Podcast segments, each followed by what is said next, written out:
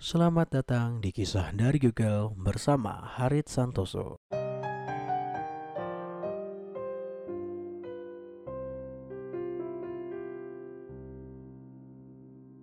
Suatu hari, ada seekor gajah.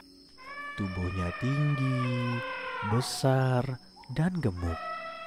Belalainya sangat panjang dan kuat. Dengan sepasang gading yang besar dan kokoh. Gajah itu pun sangat baik hati. Ia selalu memberikan makanan kepada binatang-binatang yang kelaparan.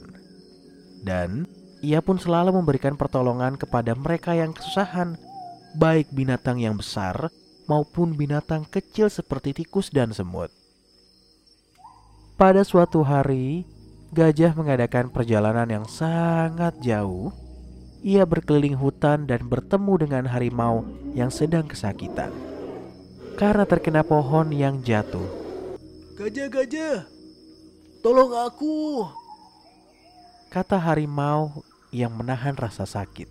Mendengar teriakan harimau, gajah itu langsung mengangkat pohon yang menghimpit tubuh harimau dengan belalainya. Terima kasih kawan. Seandainya kamu tidak segera datang menolongku, mungkin aku sudah mati karena tertindih pohon yang sangat besar. Sekali lagi, terima kasih gajah. Ya, kamu harus bersyukur karena masih bisa selamat dan hanya mengalami luka ringan. Kata gajah. Ya, benar kamu gajah. Rasanya tidak mungkin ada binatang lain yang sanggup menolongku untuk mengangkat pohon sebesar itu selain kamu. Ucap harimau. Sudahlah, kita hidup harus saling tolong menolong. Meskipun gajah memiliki kekuatan yang tidak dimiliki oleh binatang lain, tetapi gajah tetap rendah hati, tidak menyombongkan diri. Dan gajah pun pergi meneruskan perjalanannya. Tidak jauh dari tempat harimau, gajah bertemu seekor kancil yang sedang menikmati mentimun di kebun Pak Tani. Uh, perutku sekarang sudah kenyang.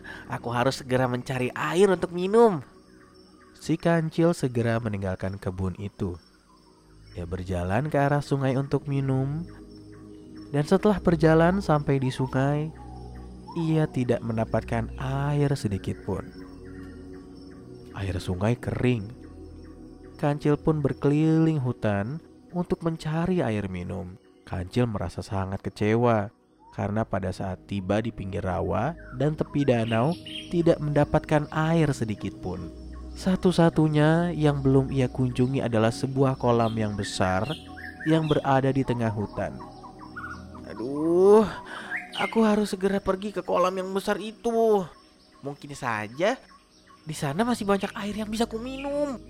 Mungkin di sana aku mendapatkan air minum yang segar. Setelah beberapa saat, si kancil pun berjalan melewati pohon-pohon jati. Sampailah di kolam itu. Hah, ternyata benar dugaanku. Masih ada air di kolam ini. Kata si kancil.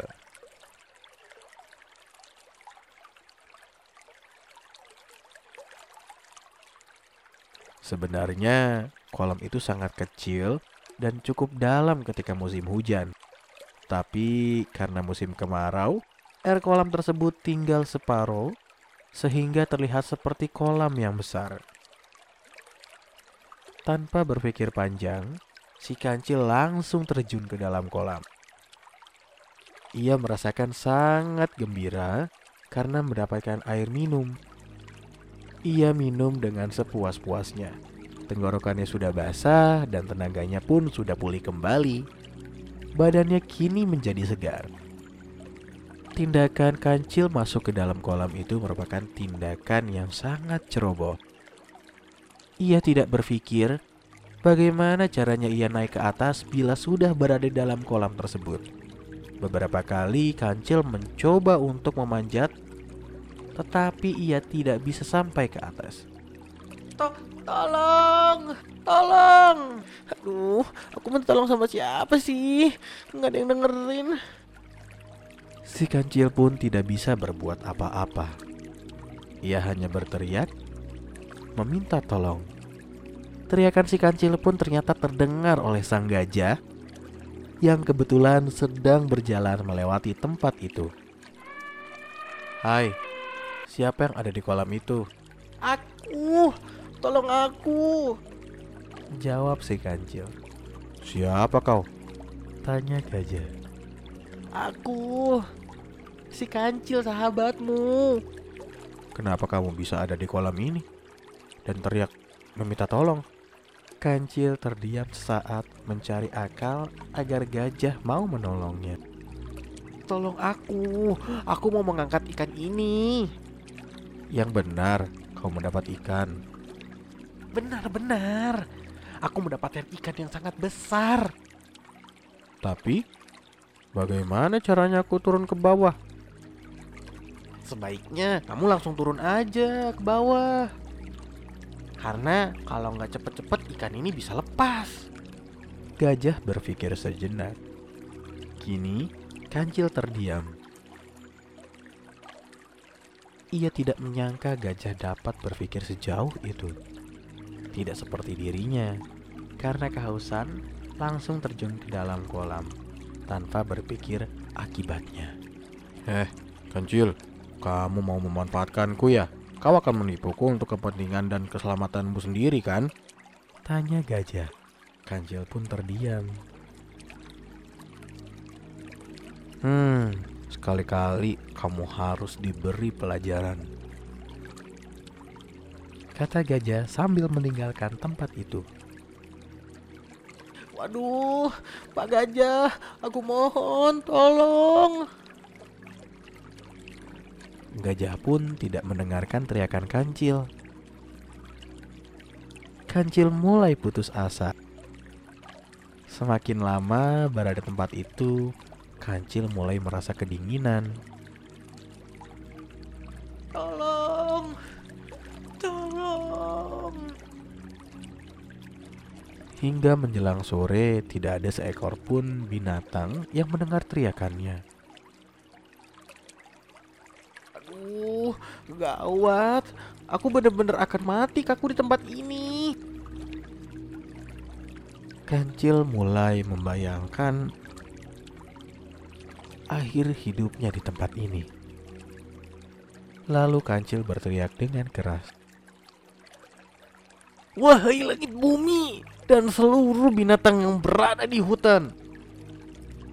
Aku bersumpah tidak akan menipu untuk kepentinganku dan keselamatanku sendiri. Kecuali Ketika Kancil mengucapkan kata kecuali, Kancil sengaja mengecilkan suaranya sehingga hampir tidak terdengar lagi. Tak disangka, ternyata gajah tiba-tiba muncul di tepi kolam. Ternyata gajah tidak benar-benar meninggalkan kancil sendirian dan sengaja menyembunyikan dirinya. Ia penasaran mendengar ucapan kancil yang terakhir. Kecuali apa? Tanya gajah yang penasaran. Kancil terkejut mendengar suara gajah. Pak Gajah, kau kembali. Jawab pertanyaan kucil. Kecuali apa? Hmm, kecuali terpaksa untuk menyelamatkan diri. Karena aku hewan kecil yang sering terancam oleh harimau, singa, serigala, dan binatang lainnya yang jahat. Oh, begitu.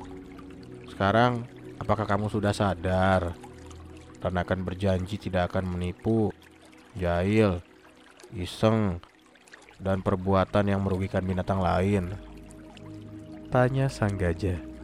Benar Pak Gajah. Betul. Betul Pak Gajah. Saya benar-benar berjanji. Baiklah. Sekarang aku akan menolongmu, Cil. Kata gajah.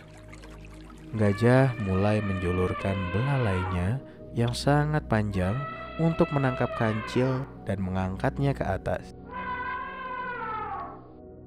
Begitu sampai di atas, kancil berkata, Terima kasih Pak Gajah. Saya tidak akan melupakan kebaikanmu. Dan sejak itu, si kancil menjadi binatang yang sangat baik. Ia tidak lagi berbuat iseng seperti yang pernah ia lakukan pada beruang dan binatang-binatang lainnya.